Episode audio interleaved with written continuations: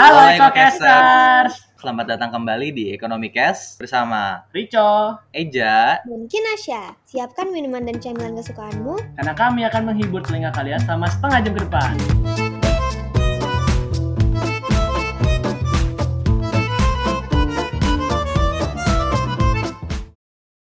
Halo Ekokasters. Halo Ekocaster. Uh, Nah, jadi kita memasuki episode pertama di season kedua ya. Eh, jadi Primer primer. ini episode pertama dari podcast nomor satu di mana? Mau ngomong gua lu aja. Ayolah, lu, lu harus pede.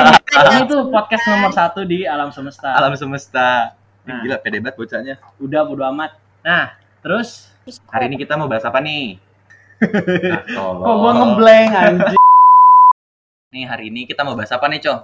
Ini gua gua lagi kepikiran nih gua kadang-kadang lu tahu gak sih anak-anak yang demen fish gitu, fish fish apa-apa. Apa di ikan? Es krim. Gua gak nyangka jokes itu keluar. Nggak fish ini. Fish Oh, yang band. band yang Oh. Tanah Peradaban. Oh, Oke, lanjut lanjut lanjut. Gitu. Lu tau gak sih kadang-kadang gue punya temen, dia tuh ngefans banget Fish. Tapi dia tuh kadang-kadang kalau lagi ngomongin Fish nih, terus gue bilang, gue nggak denger, gue nggak tahu. Terus dia Hmm. kayak ngata-ngata selera musik gue gitu. Di? Kenapa dah? Kok gitu? Jujur gue Gue nggak tahu. Lu dong jelasin kan lu juga suka Fish. Iya, biasa aja sih gua nggak se- segitunya. Nah, Maksudnya, terus yang yang lu suka banget apa sih? yang gue suka banget nih apa ya? Hmm.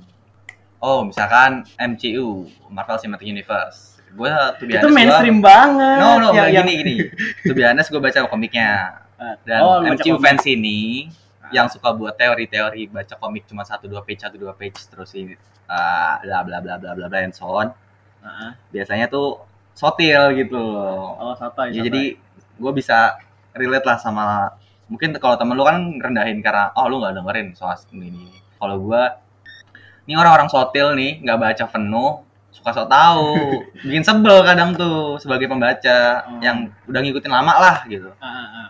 Jadi gue baru baru saja menceritakan cerita temen gue yang ngeselin, terus ternyata lu tuh temen gue itu.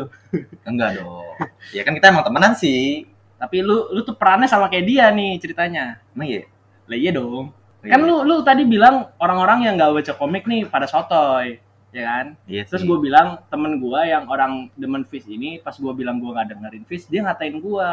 Lu paling denger siapa sih? Eh siapa ya? Ayu Ting Ting gitu.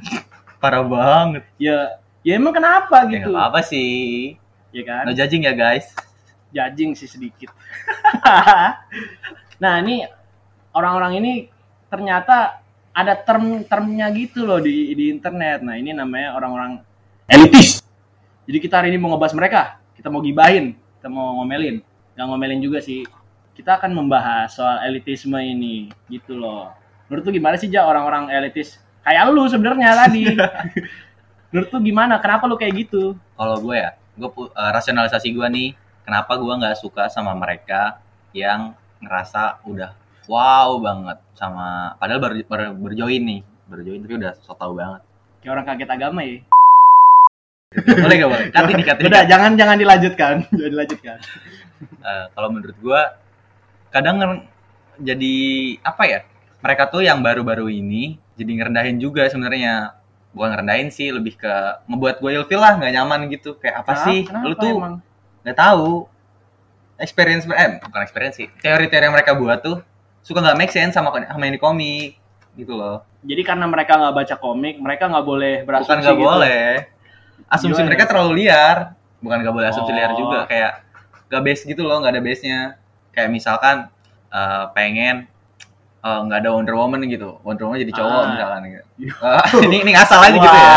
Kayak teori-teori yang rusak gitu loh. Feminis pada trigger Iya, misalkan misalkan dia maunya Black Panther tuh cewek yang selanjutnya. ya kan ada tuh kan yang kayak Bisa, gitu bisa. gitu. Itu kadang suka buat kesel. Oh. Atau misalkan yang baru-baru deh, yang gua dengar tuh eh, Sony mau Spider-Man tuh jadi gay kalau nggak salah ya. Ini Iya, kalau dengar sih. correct me if I'm wrong ya. Iya, gua juga pernah denger. kayak gitu kan. Iya. Itu kayak di komik gue tuh nggak pernah nemu case kayak gitu atau gua bacanya kurang banyak mungkin teman-teman yang lain membaca bisa nggak korek juga tapi kan jadi ilfil nggak sih lu tiba-tiba lu ngelihat eh, Tom Holland atau siapa sih yang, yang sekarang eh, Tom Holland ya? ya bener Tom Holland Ya, sekarang. bener. Maaf. Iya. Oh iya, sebentar gitu-gitu. sebelum lu lanjutkan. ini kita bukan mendiskreditkan kaum kaum Oh, gay ya. Iya, sorry. Lu lu Ntar gua nggak ada maksud. Gua nggak ada Iya. maksud. Cuman Nah, iya. kalau menurut gua itu jadi kayak eh, apa ya? Lu aneh gitu loh. Lu jadi memaksakan apa yang mau lu mau. Padahal nggak seharusnya kayak gitu. Jadi aneh aja. Jadi kayak ngerusak. Ya gue jadi kayak elitis sih jatuhnya emang. Tapi ngerusak aja timeline yang seharusnya kayak gimana. Ah. Yang kan orang yang baca komik nonton film karena pengen direalisasiin jadi gerak-geraknya kayak gimana sih Iya. gitu kan nah, lu paham tuh Eh, berarti jadi jadi gi- gimana tanggapan lu sama orang-orang yang nggak baca komik tapi soto ini poser lah poser MCU ya kurang-kurangin lah gitu loh jangan terlalu berlebihan kalau berfantasi boleh tapi ya jangan lu berharap dijadiin realisasi di MCU bakal begitu. Kayak lu mau buat fanfic mau buat it's okay gitu. Kayak ya udah it's up to you. Gua nggak ngelarang hal-hal kayak gitu. Cuman kalau lu mau semua orang jadi menikmati sama kayak lu ya itu juga jadi elitis sih menurut dia Iya jadi memaksakan lagi. Iya nih kalau kalau kan lu sekarang nih elitis komik banget nih gue lihat iya ya kan? sekarang gitu kalau misalkan semua orang jadi baca komik gitu dan dan lu yang spesial karena tadinya baca komik gitu. Ini tanggapan lu gimana? Kalau misalkan banyak orang nih tiba-tiba baca karena mereka mau ikut-ikutan baca lu yang keren nih. Hmm. gimana? Bagus sih. Ya jangan berhenti tengah-tengah aja. Jadi musiman dong ntar oh. Ya nggak sih musiman? Iya kayak sih. ikut ikut musik musik gitu kan. Kayak lu ada ba bara suara lagi asik nih lagi naik. Lu pengen join join sama teman-teman lu karena teman lu lagi nonton. Ah udahlah gue jb jb terus tinggal. Terus ada lagi yang naik Oh, ikut terus tinggal. Nah, tapi agak ilfil gitu kadang. Berarti jadi jadi gua gua dengernya di dari tadi lu sebenarnya nggak suka nih kalau misalkan orang-orang banyak tiba-tiba baca komik. Hmm, ya yang penting mereka konsisten. Ya, berarti lu nggak suka poser iya iya. Oke, jadi jadi kan kalau misalkan kayak gitu, gue tarik nih misalkan ada orang yang demen fish banget nih, tapi kalau misalkan orang lain tuh suka fish, dia jadi jadi nggak suka gitu, kayak bilangnya nanti sell out gitu, atau misalkan dia suka band pengguncang bumi neraka, waduh. Nggak itu band band bohong-bohongan, cuman Iya. misalnya nih band itu indie parah nih, jadi dia nggak pernah konser, cuman di underground doang, kan pasti ada dong komunitas yang emang die hardnya banget gitu kan. ya Tapi kalau misalkan udah sell out tuh biasa orang-orang marah. Karena dia udah nggak ngerasa oh gue tahu tuh. tahu tuh? tahu. Yang kayak gitu. contohnya. ya maksud gua ini gua nggak ngediskreditkan salah satu ya pokoknya nggak ada maksud jelek lah adalah kan kita jadi punya konotasi anak indie tuh nggak suka Hmm. kalau misalkan bandnya itu jadi go public yang banyak masanya gitu Iya. kan kayak gitu tuh contohnya kan Heeh. gua paham tuh tuh gua sendiri juga aneh sih kan kayak lu jadi artis maksud gua lu harusnya ngedukung artis lu nggak sih biar lu sukses gitu Iya. ini malah aneh sih kalau menurut gua orang kayak gitu Iya ya, sih. bukan maksud apa tapi menurut gue itu aneh Makanya jadi kadang-kadang term elitisme itu sebenarnya emang dari dulu udah dikonotasikan tidak terlalu baik juga sih karena ini kalau menurut gue pribadi ya gue nggak Hmm. tahu menurut Wikipedia atau gimana itu. Intinya intinya menurut gue orang-orang elitis tuh sombong jatuhnya. Jadi dia merasa kalau selera dia tuh udah beda dari yang lain nih. Nggak boleh nih orang-orang sama kayak gue nih. Lu poser ya? Lu poser ya? Sama kayak lu tadi. Iya. Tapi menurut gua nggak salah sih orang elitis kayak gitu sih, Cok. kenapa? Ya itu kayak hak mereka juga sih sebenarnya. Ah, sampai di titik mereka nggak menyakiti orang lain. Gua gua setuju orang itu elitis sampai di posisi dia tuh eh, apa ya batasannya tuh nggak nggak nga- ngancurin lah, nggak ngancurin kehidupan orang lain gitu. Kan ada tuh kayak misalkan war antara fans A dan fans B yang sampai kayak eh, itulah lu tahu kan maksud gua Ah. yang ngata-ngatain terus bawa kehidupan pribadinya itu kan kalau menurut gua udah lebih dari elitis lagi itu udah kayak apa ya yang jadi kayak ngeselin aja. sekte. anjir. Iya sekte sekte gitu bukan elitis lagi. Dulu ya, gua waktu kurang baik. waktu ini jago waktu SMA kan gue belajar sosiologi nih. Ada yang namanya in group out group lu IPS apa IPA sih? IPS IPS lu tahu dong in group out tahu dong. Nah biasanya menurut gue nih elitis elitis ini biasanya membentuk in group sendiri gitu. Ya kan? Hmm. nah ini in group tuh sebenarnya ya kayak kata Eja tadi sebenarnya ya udahlah san. Cuman in group out group ini bisa bi- ya plus plusnya itu bikin bikin yang in group itu jadi solid ya. Mereka mereka yang elitis elitis itu ya berkumpul dengan satu sama lain ya udah. Mereka jadi solid solid gitulah pokoknya pars. Cuman itu salah satu faktor yang menghambat integrasi sosial loh. Anda jangan lupa. Hmm. itu bisa bikin kita jadi bermusuhan sebenarnya. Nah itu makanya menurut gua lu kalau lu bilang tadi elitisme itu mau sampai nggak nggak usah nge apa namanya ngeganggu orang lain atau gimana. Tapi gua gua gua bilang nggak usah ada elitisme. Kayak nggak perlu gitu. Karena lebih gimana ya? Ya kurang saya sih menurut gua. Kalau menurut tuh gimana Ken? Dari tadi lu diem diem baik nih kayaknya. Dari tadi gue uh, pusing gitu dengar kalian ngomong inilah elitisme tuh boleh lah, nggak boleh lah, elitisme tuh merugikan lah gitu. Nah sebenarnya kalian tuh ngerti nggak sih elitisme tuh apa menurut kamu sih kayak menurut menurut apa gitu atau kayak cuman Enggak. dari nggak berantem doang dari tadi Iya. Ada bacot aja udah. kalian nah mungkin buat eh, teman-teman ecocasters yang belum eh, kurang paham gitu lah arti elitism itu sebenarnya apa gue barusan cari nih di Cambridge Dictionary jadi eh, elitisme adalah kepercayaan eh, bahwa suatu hal itu cuman hanya diperuntukkan buat golongan tertentu aja buat orang-orang spesial yang punya kualitas tertentu atau kemampuan tertentu nah jadi kalau eh, kalian cocokin nih sama situasi kalian kayak misalnya eh, Rico tadi ngomongnya ada fans feast itu kira-kira cocok nggak nih sama definisi elitisme? Kalau gitu cocok sih. cocok gak sih Kalau karena kan gua asal ngomong tadi ini eh, merendahkan gitu kan merasa orang lain gak qualified gitu oh kan sih. iya mungkin mereka merasa orang-orang tuh nggak nyampe buat denger itu ya Iya kan Kin tadi. Padahal nyampe-nyampe aja. Iya, Gitu kan ya tadi? Betul, betul, betul. Tapi kalau menurut gua nggak gitu sih. Kayak elitis tuh ya udah merasa stand out aja, nggak harus spesial. Maksudnya bukan spesial, bukan kayak nggak ada kualifikasinya gitu loh. Kayak udah gue misalkan suka anime nih, ya udah gue suka anime gitu loh. Nggak nggak harus apa ya? Orang lain tuh nggak boleh suka anime gitu. Tapi emang ada satu dua orang yang ngerasa yang suka nonton anime tuh yang emang dari dulu. Oknum lah ya kualifikasinya ini. kualifikasinya dari dulu nggak Oknum boleh lah baru. ini. Nah, jadi ini oknum-oknum yang memang mega elitis gitu. Nah ini. Keras pars nih orang. Mungkin kalau menurut gua dari statement Kinasya tadi boleh nggak boleh kalau emang elitis statementnya kayak gitu itu jadi nggak boleh. Nggak boleh kalau dia tuh sampai harus ngebuat orang lain tersisihkan dari apa yang dia inginkan. Ya tadi kan siapa tuh temen lu yang pengen nonton Fish tuh harus orang-orang Ada. kayak gitu kan? Ada orang tertentu lah gitu. Iya ada dah. Pokoknya yang Nah. suka pakai tote bag rambut gondrong. Waduh. Terus mungkin yang gue juga gue juga gitu gondrong. Tapi gak gitu. Ya dah nah jadi menurut lu nggak boleh nih. Sebenarnya walaupun kalau misalkan tadi abis gue denger Kinasya tuh gue jadi ada sedikit perubahan argumen dari tadinya yang gue bilang ah pokoknya nggak boleh nih elitis. Sebenarnya tuh menurut gue elitisme aduh gue gua sedikit benci untuk mengakuinya. Menjilat udah sendiri.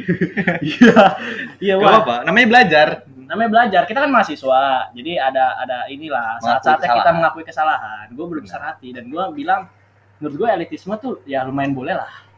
Karena Nah, ini apa tuh? merupakan apa ya jadi orang-orang elitis ini menganggap value dari sesuatu yang mereka percaya ini tinggi dan menurut gue itu bagus kenapa karena kalau misalkan kagak kayak gitu ya bakal mati sendiri gitu apa yang mereka percaya itu ya kan dan menurut gue juga ya ini hak mereka juga karena mereka punya pride dan ini menurut mereka mendefinisikan di- diri mereka alias jati diri mereka gitu Nah. loh Oke kalau itu gue setuju, bisa setuju. Cuma ada batasnya lagi nih. Ah, gimana nih para elitis elitis ini nih yang buat gue rada sebel juga.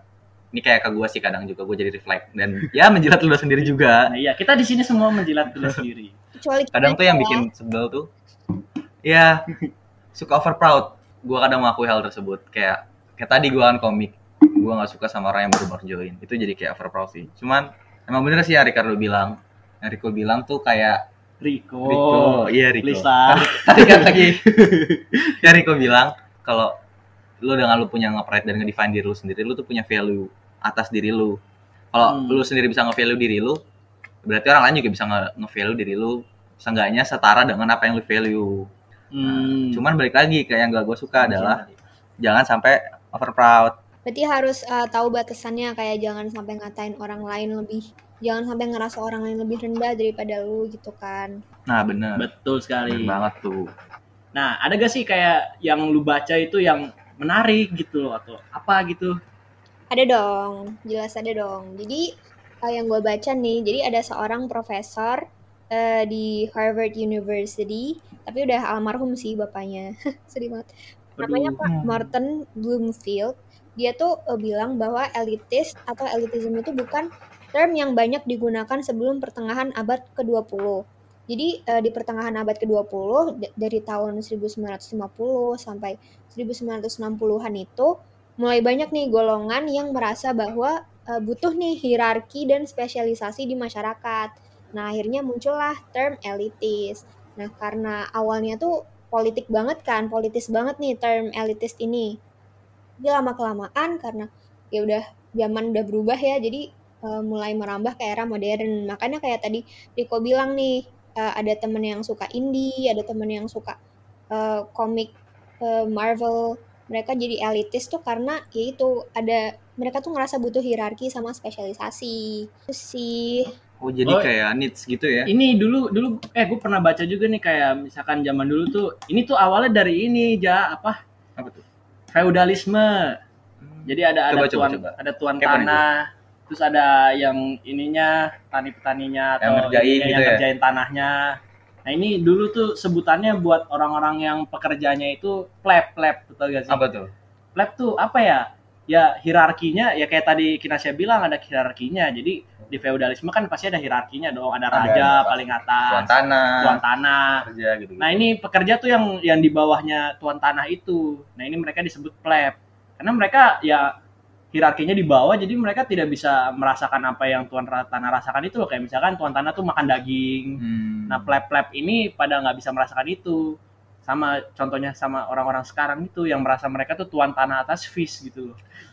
oh, jadi kita ngerti-ngerti. Gue jadi nah dari Kinasya tadi bilang yang dari Profesor Harvard, terus juga lu bilang pleb ini bisa dibilang para elitis ini tuh membutuhkan sebuah apa ya kayak pengakuan atas diri mereka bahwa mereka tuh berada di puncak hierarkis, jadi mereka ngerasa puas gitu dan membuat orang lain tuh ya nggak pantas di situ karena Hmm. mereka tuh di atas. betul sekali. Oh begitu ya. Jadi emang bisa di track back sejarah ya EcoCaster. No, baru tahu kan? Nah, Kita juga baru tahu. ya begitulah. ya. Ternyata elitisme ini nggak satu dua tahun ke belakang ya. Bisa Iya. nge-track back beberapa abad ke belakang gitu juga. Ya Iya. begitu deh. Jadi nggak selamanya elitisme itu baik. Ini sesuai konteks yang tadi sebelumnya gue bilang mungkin diperbolehkan karena itu mereka bisa Nge-value diri sendiri. memvalue diri sendiri dan jati diri pride mereka gitu. Ya di luar itu sih sebenarnya ya tidak terlalu bagus ya menjadi seorang elitis. Ya, terutama yang mendiskreditkan orang lain. iya, Yang merendahkan biasanya tuh dampaknya kayak kata Kinasya tadi sebelumnya tuh bisa dampaknya sosial. Kayak orang-orang jadi mager gak sih sama lu? Iya. Jadi punya stigma atau Iya. labeling lah sama kelompok-kelompok tertentu karena dia merendahkan kelompok lain. Jadi kayak Iya. negatif aja kan.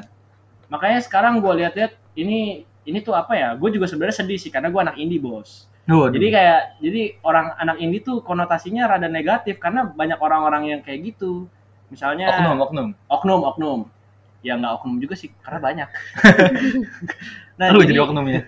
mungkin gue juga oknumnya sih karena gue kan bocah metal banget nih ya. Kalau lu semua nggak denger metal tuh sampah lu. Nah itu dia contohnya gue tuh salah. Jadi contoh kasarnya gitu ya jadi guys. jadi kami kami ini mencontohkan diri supaya ka- kalian jangan ikut gitu loh Iya. kita nih mencoba menjadi seperti itu supaya bisa mengerti jalan pikiran orang-orang seperti itu maksudnya seperti kami Bener, jadi udah begitu deh Eh tapi eh, menurut kalian betul eh, kok bisa sih orang tuh jadi elitis? Kira-kira kenapa ya?